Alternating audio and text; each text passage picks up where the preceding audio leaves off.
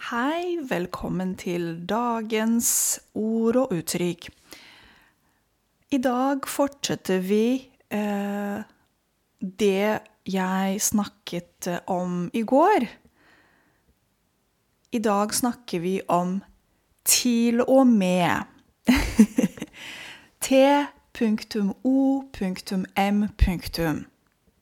Så når du ser tekster når du må skrive en e-post på jobb, så kan du skrive til og med.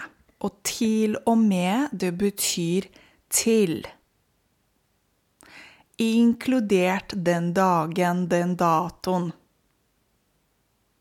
Du kan si for eksempel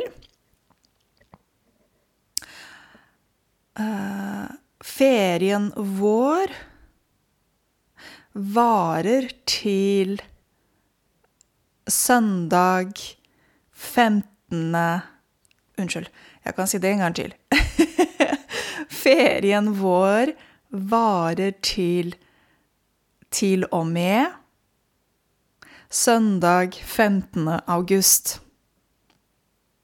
Så når du sier til og med, da er du sikker på at den dagen og den datoen er inkludert. Ja, så jeg sa 15. august. Da er det inkludert 15. august.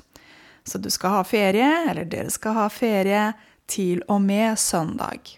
Okay? Så ja, jeg vet at det kan føles litt forvirrende, fordi til og med betyr til. Det brukes um, når du vil være sikker at du inkluderer den dagen. Eh, når du vil at den andre personen du skriver f.eks. en e-post til, er 100% sikker at det er den datoen også. Den uh, uh, datoen og dagen også inkludert. Ok?